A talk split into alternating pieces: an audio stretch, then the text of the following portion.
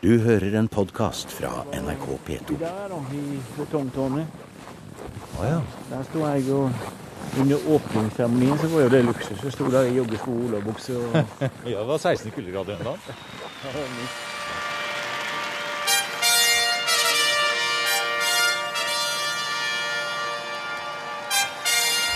Og når vi hører dette lydsporet, så er det ingen tvil om hvor vi er i nasjonens hukommelse. Jeg erklærer herved de 17. olympiske vinterleker på Lillehammer for åpnet. Ærede gjester, kjære publikum og TV-seere rundt om på hele jordkloden. Hjertelig velkommen til åpningsseremonien Det de 17. olympiske vinter... Slik begynner alle norske eventyr. Og slik begynner dette også. Once upon a time OL-eventyret på Lillehammer ble båret fram av tusenvis av frivillige. En voldsom stemning. Norsk natur og snø og gullmedaljer. Og alt som er typisk norsk. Og for en åpningsseremoni! Med Thor Heyerdahl og Liv Ullmann, og ikke minst de merkelige figurene som danset fram til Arne Norheims musikk. Vettene ønsket å minne menneskene om sitt budskap om lek om fred. Om samhold og styrkeprøver.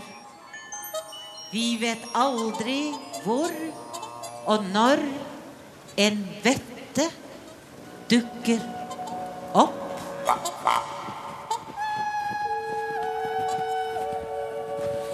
Like før vi går ut i, kommer ut i Åvarenna her nå. Her, ja. Her er vi på tribunen. der får vi litt inntrykk. Har du sett, ja. Ja. Ja, det er stille og rolig her nå. ja, sånn var det ikke for eh, 18 år siden. Eh, nesten på dato eh, når vi står her i dag, da. Det er den helt nyslåtte lederen for Norges olympiske museum på Lillehammer, Bjarte Ytre-Arne, som har tatt oss med til dette helt spesielle stedet i Norges olympiske historie. Jeg husker spesielt godt eh, 20. februar i 1994. Da var det 40 000 stykker her, og eh, Espen Bredesen sto på toppen som sistemann. Og så forsvant hele oppdriften, og så landa han på 124,5 meter, og Weissflog vant. Det var nedtur. Men det var mye som ikke var nedtur når vi snakker om eh, arenaen her vi står nå. Eh, For dette er jo egentlig blitt en, eh, skal vi si, en del av nasjonens historie, det vi står og ser på her nå. Ja, Lyskåsbakkene var jo Det var jo her fakkelen lyste. Og står, står igjen ennå uten flamme, da. Ja. Det var her det var den store åpningsseremonien og avslutningsseremonien. Så det er jo mange som De klassiske Lillehammer-bildene er jo ofte tatt akkurat i denne arenaen her, da. Jeg husker første gangen jeg kom hit eh, på høsten 93. Så så jeg på den bakken, så sa jeg at dette, dette er ikke en hoppbakke, det er en skulptur. Ja, det er jo flott her. Mange av oss har jo på følelsen at vi nesten har vært der, for vi husker det så godt på TV. Da tenker jeg selvfølgelig på åpningsseremonien med alt det som merkelige som skjedde der. Men hvordan var det å stå midt oppi det, for du var jo faktisk da en av de som skulle få alt dette til å skje. Ja, det var jo et eventyr. Det var et privilegium å få lov å være midt i smørøyet eh, her under OL. Eh, Det var magisk. Og det var imponerende, for det var så utrolig eh, mye som skulle klaffe. Men det var veldig godt forberedt. Og, og ja. Kan du huske den følelsen du selv hadde da like før dette skulle gå i gang? Det var vel en uh, følelse av uh, stolthet å få lov å være med og arrangere det. Samtidig uh, veldig imponert over mangfoldet og, og kvaliteten på det. Og Nei, det var once in a lifetime, ikke det det? Hva var egentlig din eh, oppgave her, når alt dette store arenaspektaklet skjedde her? Ja, min hovedoppgave var å være arenaprodusent. Først og fremst for eh, sporten, for hopp. Ja. Men eh, samtidig så var vi eh, Spikertjenesten og arenaproduksjonen var da som backup under eh, åpningsseremonien i tilfelle en evakuering. Så vi fikk faktisk eh, orkesterplass til eh, begge seremoniene. Ja. Samtidig som eh, vi heldigvis slapp å jobbe. Ja, nettopp. For det heter seg jo det når, det fikk, eh, når denne store seremonien fikk en sekser på VGs terning den gangen, så het det seg at det var, eh, det var Gud, Norge og Bentein Bårdsson som hadde skapt denne magien. Men de var jo litt med på det, du òg? Ja, kanskje ikke så mye signatur på selve åpningsseremonien. For det er riktig, det var Bentein Bårdsson og et svært antall frivillige som gjorde det. Men eh, når det gjelder selve eh, de andre opplevelsene gjennom Olympi, de olympiske lekene her, så var jeg nok en del involvert i det og var med og satte litt signatur på kulturinnslag og seremonier og stemningen i, sånn som det skulle være uti her. Det er nok mange som vet at du har arbeidet i NRK, du har vært i barne- og ungdomsavdelingen. Mange kjenner deg fra Halv sju og andre store og berømte serier som gikk den gangen. Men kanskje ikke så mange vet at du har på en måte fått et liv etterpå som har vært helt fanget inn av sporten. For det er jo ikke bare OL her og arenaene her. Du har arbeidet med VM, enten det er ski eller hockey eller det er idrettsgallaene. Alt dette her. Det, har, det er på en måte den veien du gikk. Ja, det ble jo en uh, liten hobby. Jeg har ikke akkurat blitt noe levebrød. Her kommer det ut noe mens vi står og prater her. Du får fortelle hva det er. Ja, Det er en som kommer ned i fallskjerm og lander nå på uh, godt over bakkerekorden i Luskosbakken. Ja, Der landa han nede på Stampesletta. Står han og tar av seg der nede i fallskjermen. Ja, det gikk jo greit. Han landa der. Men det var altså deg, og hvordan du har helt gått inn i dette med å arrangere store idrettsstevner. Og nå er du altså blitt eh, leder på Norges olympiske museum. Hva er det som gjør og fascinerer deg så voldsomt med det? Er det brølet? Nei, jeg vet ikke. Jeg har jo alltid vært interessert i sport og idrett helt eh, fra Det begynte vel med Skåvel i 1960 for meg, da, og kuppelen. Eh, ikke sportsidiot, eh, men rimelig interessert. Og så da, da eh, i 94 fikk sjansen til å være med og, og, på innsida og, og lage sportsarrangement, så ble jeg veldig bitt av det det var veldig moro å, å, å skape en god stemning for publikum eh, som møter opp og står ute i 20 kuldegrader. Da, da må vi by dem på litt eh, underholdning i tillegg til sporten. Mm. Så det har jeg likt å gjort på hopprenn og på langrenn og alpint i mange år på Kvitfjell, og hockey jeg har vært borti, og fotball på Briskeby stadion. Det kan være stemning der òg, skjønner du. eh, og du har et lite slagord når det gjelder dette her, for det er jo de som sier at det er vel så bra hjemme i stua. Ja, nei, jeg sier at det skal være bedre enn hjemme. Ja. At, eh, at, eh, det skal alltid være en begrunnelse for at du møter opp på utendørssport i Norge. Og det skal være at det er bedre her enn å sitte hjemme foran TV-en. Er det noe av dette her du prøver å få tak i, eller som du vil nå begynne å arbeide med på eh, Norges olympiske museum? Denne fascinasjonen? Ja, altså museet i dag er jo på en måte et sånt utstillingsvindu for eh, ting som har skjedd, da. Det er et veldig bra sånn husker du-museum. Eh, det jeg har tenkt å prøve å få til, er jo kanskje å gi det litt mer eh, grad av opplevelse og interaktivitet. Jeg tror kanskje at eh, tida er moden for å ta i bruk litt mer ny teknologi og, og skape litt mer opplevelse der òg, selv om det aldri kan sammenlignes med det å være live til stede i Kollen eller Lyskår eller Ranesen.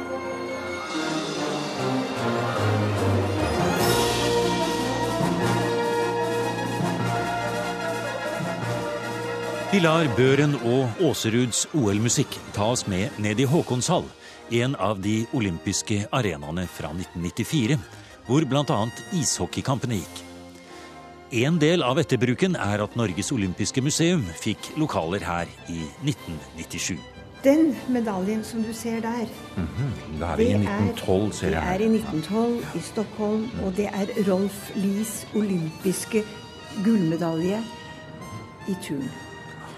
Men det morsomme var jo at denne gullmedaljen den kom sendes til meg i en Nittedals fyrstikkeske. I tillegg til at museet forteller om den norske OL-historien fra begynnelsen av 1900-tallet og fram til dags dato, så får vi også høre litt om de historiske røttene i det gamle Hellas, hvor lekene startet omtrent 700 år før vår tidsregning. Antikkens olympiske leker holdt det gående i nesten 1100 år. Men da kristendommen ble innført på 400-tallet, ble olympiadene forbudt. For som museumspedagog Marie Synnøve Stakston sier, så ble de olympiske leker da ansett for å være en hedensk skikk som det måtte bli slutt på. Grunnen til at lekene ble forbudt, var fordi at eh, kristendommen var blitt innført som statsreligion i Hellas, og derfor ble de olympiske leker sett på som et hedensk arrangement, fordi at her så dyrka de jo guden Sefs. De første olympiske leker var like mye en religiøs begivenhet som en idrettslig begivenhet, ja. Eh, men det som er jo interessant her, det er jo det at når når de olympiske leker slutta i 393 etter Kristus, så forsvant òg på en måte betydningen av Olympia, altså stellet i Olympia. Ja, ja. Og det ble eh, pga. oversvømmelser og jordskjelv og det meste, så forsvant egentlig hele området i jordmasser. Mm. Og det tok da 1500 år før tyske arkeologer begynte å grove igjen i de, eh, de, eh, ruinene her. Og fant fram igjen rester av den spennende historien.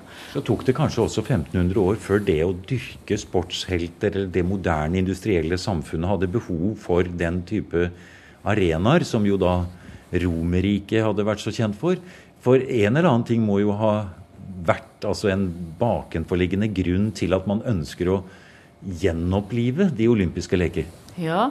Eh, Coubertin, Pierre de Coubertin, som jo er regna som grunnleggeren av de moderne olympiske leker, han var veldig fascinert av av eh, bl.a. dette her med å ha idretten i skolen. Han ivra jo hele livet for å innføre idretten i det franske skolesystemet. Han hadde gjennomlevd den fransk-tyske krig og den, det nederlaget som Frankrike gjennomgikk der, eh, mot den tyske eh, overmakta militært sett. Og han mente at en, en del av årsaken lå her i nettopp denne her med den disiplinære treninga som kom via idretten i skolen. Så han ivra veldig for å få inn igjen idretten i skolen. Og i tillegg så var han veldig fascinert av de olympiske leker og, og fredsaspektet knytta til det arrangementet i antikken. Eh, fordi det var, jo, det var, jo, slik at idrettskonkurranser, ja, men det, var, de så, det arrangementet hadde såpass stor betydning i sin samtid at alle var enige om at det skulle gå ut ei eh, våpenhvile en måned før til en måned etter arrangementet, slik at eh, de olympiske leker var sikra på en måte fredelig, fredelig kappestrid. Og så var det jo allerede da, helt i begynnelsen, særlig da kanskje, et veldig nært forhold med, med, med, forretningslivet, med business, i og med at de olympiske lekene var en del av verdensutstillingene. Ja, det er riktig. Eh, og Coubertin var jo veldig flink i å, å, dra i de riktige tråder med hensyn til å få med seg mektige personer. Eh, å få dem med på tankegangen rundt oppstarten av Torje olympiske leker. Men eh, det var i hovedsak Paris og fire år etter at eh, OL ble lagt samtidig som verdensutstillinger. Men, men eh, OL fikk på en måte si form etter kort, men Coubertin sjøl uttrykker jo at de første virkelig vellykka lekene som nærma seg det idealet som han så for seg, det var i Stockholm i 1912. Og da var det òg gjennomført eh, olympiske konkurranser i kulturaktiviteter. Yes. Som litteratur og musikk Nei. og skulptur, ja. Nei, og dette her òg var en arv fra antikken som Coubertin var veldig, veldig eh, fascinert av. hvordan har man eh, OL i litteratur, da? Nei, det kan du si. I hvert fall så var han sjøl en pasjonert skribent. Sånn at det var faktisk han sjøl som vant den konkurransen med en ode til idretten under et pseudonym. Men det var, han var eh, veldig interessert i den biten der sjøl, da vel. tydeligvis. Og dette her med, med den kultur um, Altså at kulturen skulle være en del av de olympiske leker, det ser oss jo ser oss jo rester av helt fram til i dag. Tenk på åpnings- og avslutningsseremonien knytta til OL. ikke sant? Der viser nasjonen vist fram, eller byen har vist fram sin kulturelle ballast i tillegg. Så det er ikke bare idrett i dag heller, det er veldig mye kultur fortsatt. Og dette er jo en rest fra, fra starten. Og det er og en storflott Gudbrand Skattebos fra eh, Aten i 1906. Ah. nå var jo ikke Aten et offisielt OL, men eh, det er skytteren Gudbrand Skattebo. Også en fantastisk stor, flott Her er det Brita Belsvik som har overtatt stafettpinnen i omvisningen i Norges olympiske museum i Håkonshall på Lillehammer. Brita Belsvik har vært museumskonsulent ved OL-museet siden starten. Og selv om hun nå helt nylig har blitt eh, pensjonist, er OL-historien noe hun ikke blir lei av. Kanskje ikke så rart, siden det nettopp er Belsvik som har hatt ansvaret for å spore opp og besøke både unge og gamle medaljevinnere og etterkommere etter OL-deltakere, for å be dem deponere eller gi sine memorabilia til museet. Se her, Det er en padleåre som du tar oss med bort til her nå. Ja, da eh, vi skulle åpne eh, museet, da, så var jeg rundt og reiste rundt og besøkte en del av disse eh, idrettsutøverne. Og da, eh, fra London 48, så var jeg hjemme hos eh, Knut Østby, ja. Knut Østby Og Ivar Mathisen. Ivar Mathisen. Og da hadde de hver sin sølvmedalje. Og så kom han på at jammen meg tror jeg jeg har noe på loftet. Og så gikk han opp på loftet, og det var Østby. Og fant da denne Åren, ja. som hadde ligget der i alle disse årene. Og dette synes jo eh, våre besøkende gjør museet litt ekstra. At ikke i gåseøynene bare er medaljer. Og vi hører, det er, også, det er også faktisk Dere har jo også med den, altså de deltakerne som kanskje er de aller viktigste i, OL. Og det er jo de som sitter hjemme det, og ser på og hører på tidligere da på radio. Nå er vi inne i en gammel radiostue her. Men det er jo selvfølgelig da også en stor avdeling med mediaklipp her. Gjensides med ham. Gikk en kolossalt sterk første. Oi, der falt engelskmannen. Og det, det vi hører her er 1952. Det er Finn Amundsen, den berømte radiokommentator, eh, som til og med var før Bjørge. Han kommenterer Hjallis eh, Andersens løp 1500 meter i 1952 her. Det er kolossalt sterk fart. Og han smyger seg langs snekanten, aldeles glimrende der. Og nå går han over i lange, rolige tak på, på langsidene. Det ser ut som han går et ideelt løp. Ja, det kan være flott på radio også. Ja, og da syns jeg jeg ser eh, meg selv Ja. sitte i vår gamle stillongser Hjallis og skrive rundetider. Ja. Så det var en fantastisk tid, det å sitte og høre på radioen og skrive rundetider. Ja, For det er jo noe som folk gjorde, det. Man satt og skrev rundetider og fulgte med og regnet ut. Og her kommer vi bare, vi kommer bare mer og mer inn i OL-stemningen her. Her er eh, På denne gjenstanden her så brant den olympiske ild i 1952. For nå står vi på Bislett-isen. Ah, nettopp. Ja, vi er kommet til Oslo. Og her er hovedflammeholderen fra 1952. Og det er selvfølgelig den originale. Det er ikke nødvendig å spørre om. Ja, fantastisk. Og her har vi Holmenkollen plutselig rundt oss her. Å, her har Og her kan du ja. sitte Her er i Hjallis og eh, og se på film fra 1952. Mm. Og her har vi også mange eh, 52-gjenstander. Mm. Eh, Vi har også håndfakkelen fra 52, for der var det første gangen at det ble bestemt at det skulle være fakkelstafett på vinteren. Og da eh, var det jo da store diskusjoner, Mm. slik at eh, ilden ble hentet i Morgedal. Mm. Og den kom da ikke fra Olympia.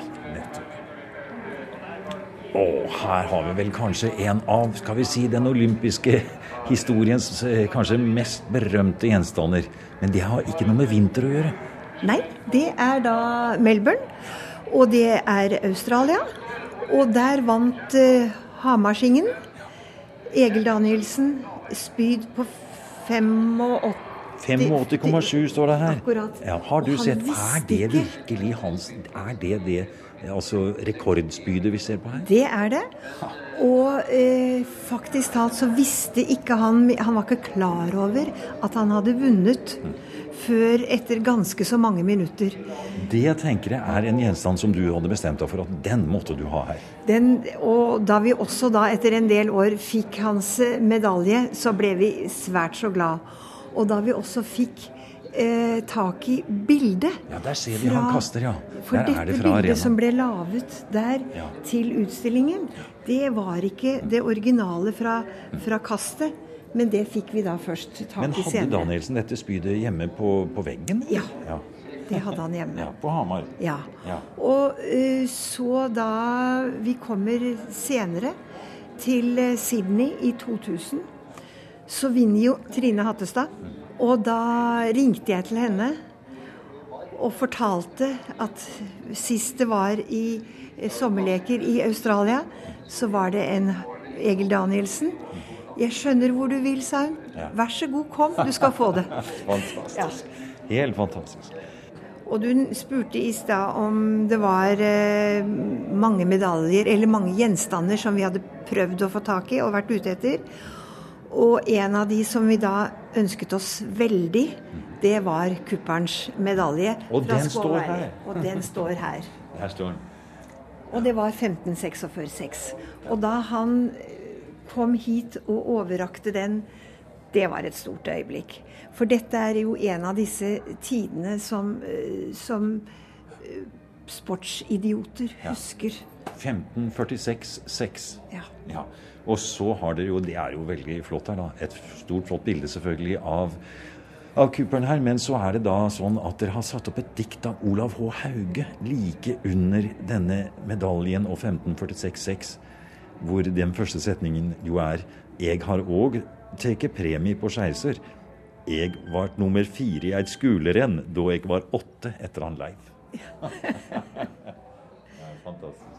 Og når vi er i Skå Valley, da må vi jo nevne navnet Håkon Brusveen. Ja, og da har vi jo her originale gullmedaljen hans, Mhm. som han jo eh, Han skulle jo da være hjemmeværende eh, reserve. Men en lang historie kort. Det var vel takket være daværende kong Olav. Så ble det satt i gang en eh, aksjon, slik at han kom seg til Squaw Valley. Og han fikk jo da gullmedaljen. Og der er Og der utstyr. henger altså drakta hans der, ja. Har du sett? Og her er skiene til Håkon Og den andre har vi lånt til eh, skimuseet i Holmenkollen. Har du sett på maken? Og uh, inne i bak glassmonteret der, så ser du da et radio-TV-kabinett. Og det er Lillehammer eh, skave til Håkon Brusveen. Vi går gjennom her og kikker. Å ja, se der, ja. Gave fra Håkon Brusveen, ja. Og, Og det fikk altså Håkon Brusveen på en ja, måte når han kom hjem, ja. det var avisen som satte i gang med en samling, og da skulle bare byens borgere betale én krone per person. Nei, nei, nei. Men eh, da var det mange hunder og katter som fikk navn. Ja. Slik at det ble dette flotte eh, Ja, for det, radio- og det ser vi jo her fra 1960. Nå er det jo selvfølgelig veldig gammeldags og rart å se på, men tenk hvor moderne det må ha vært den gangen. Med fjernsyn og radio i et eget kabinett. Der kunne Håkon sitte og se. Han ble jo også etter hvert en kjent stemme i eh, NRKs eh, sendinger, selvfølgelig, som vi alle vet. Ja, og hans eh, kone Randi har fortalt at hun har ikke tall på hvor mange kaffekopper hun kokte, fordi at hele bygda kom jo på for å se på gullfiskene og prøvebildene. Og de skulle se på det apparatet Ja, der. ja, og så prøvebildene, for det var jo ingen i nærheten som hadde TV.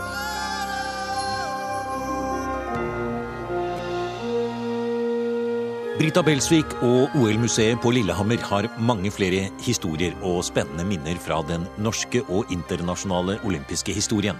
Og kanskje kommer det også flere etter 2016. For da skal Lillehammer være vertskap for ungdoms-OL. Og det er en sjanse den nye direktøren for OL-museet, Bjarte Ytre Arne, ikke vil la gå fra seg. Jeg har jo liksom en overskrift oppi huet mitt allerede at eh, de ungdommene fra 70 nasjoner som kommer til Lillehammer i 2016, de skal reise herifra, og så skal de ha hatt The Lillehammer Experience. Og det mener jeg at vi skal materialisere nesten bokstavelig talt med å la museet òg bli en del av den opplevelsen de får her. Og da tror jeg at vi må inn med litt eh, ny teknologi, litt formidlingsteknologi i nye medier. Og, og hva som er oppe og står i 2016, vet vi jo ikke ennå. Går du fire år tilbake i tid, så var det kanskje ikke Facebook eh, etablert. Så her må vi bare være åpne og følge med og se hva vi kan ta smart i bruk i 2016. Men eh, moro skal det bli uansett. Winner and champion d'Olympique, Håkon Brusveen, Norway. Og bare for kontrastenes skyld, la oss koste på oss ett minutts radiohistorie fra NRKs historiske arkiv, som vel slår alt av sosiale medier og internett. Hele det norske folk sitter klistret til radioapparatene etter at den da 32 år gamle Håkon Brusveen har slått svenske Sixten Jernberg med to sekunder og tatt olympisk gull på 15 km. Vi setter over til Bjørge Lillelien på direkten fra Squaw Valley i 1960. Jeg har sendt bud etter, eh, etter Brusveen, og han skulle vel komme, komme her om ikke så lenge. Og der kommer Håkon Brusveen. Der kommer Håkon Brusveen. Håkon, vi er så glade her at vi nesten har lyst til å omtale deg, og det, det gjør vi sannelig gutter med en gang. Gratulerer med dagen, eh, Håkon. Dette var noe som ingen av oss hadde ventet. Det skal du vite med en gang. Ja, jeg hadde ikke venta det sjøl heller, nei. Og du, som, og du som nesten ikke kom med på laget, i gitt. Ja Jeg bruker liksom ikke på i noe særlig form før utpå vinteren, og nå ser det ut som det passer i år òg.